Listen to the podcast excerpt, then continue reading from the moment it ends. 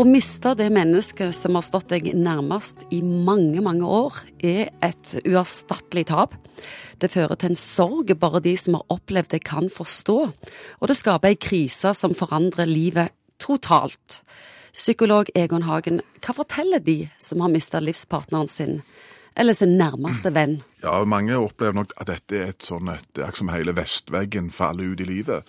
Og det er for mange et enormt sjokk og en enorm utfordring for å reorganisere hele livet sitt. Ja, for uh, dette innebærer enormt mye.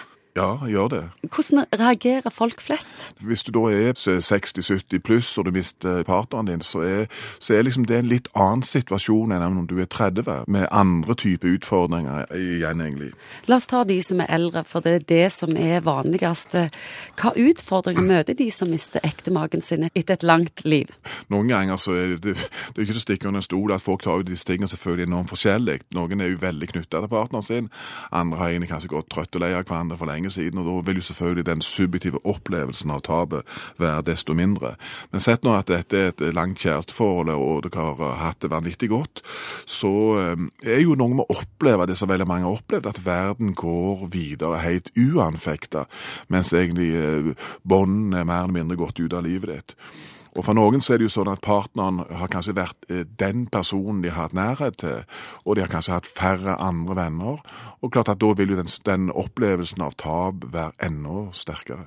Livet vil jo endre seg på absolutt alle plan. Psykologisk, fysisk, praktisk sosialt og gjerne òg økonomisk. Ja, det er sant. Det, det er enorme forandringer. Ikke bare for det tapet, men òg at du må, du må, på en måte organisere hele verden din på nytt. Og det er vanskelig når du ligger helt nede for telling, ja. og så skal du forholde deg til alt dette. Ja, og mange opplever jo kanskje òg at de kan ikke sitte i uskifta, sett at det er særkullsbarn osv., osv., som gjør at de relativt raskt må over i et annet modus, hvor de i tillegg til å miste denne kjære, så må de òg kanskje tenke på å selge det hjemmet som de har hatt felles, for at uh, her er det unger som skal løses ut.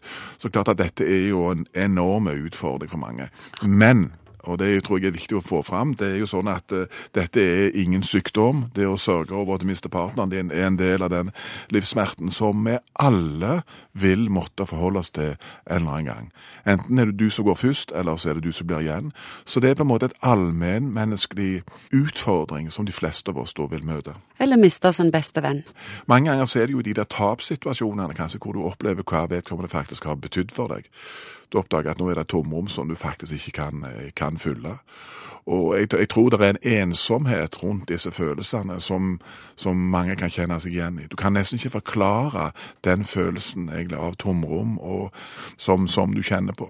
Hva råd har du å gi? Snakk med noen. altså. Ofte så blir jo folk litt forsiktige. for Hvordan skal vi nærme oss deg? Som, som, det å være litt aktivt styrende sjøl i forhold til hva type samtaler og dialoger vil du ha som jeg har sagt i en del andre sammenhenger, det å være aktive. Men hva det innebærer, retning på aktivitetene, vil jo være avhengig av hvem du er. Så det å være aktiv er uansett eh, fordømt viktig.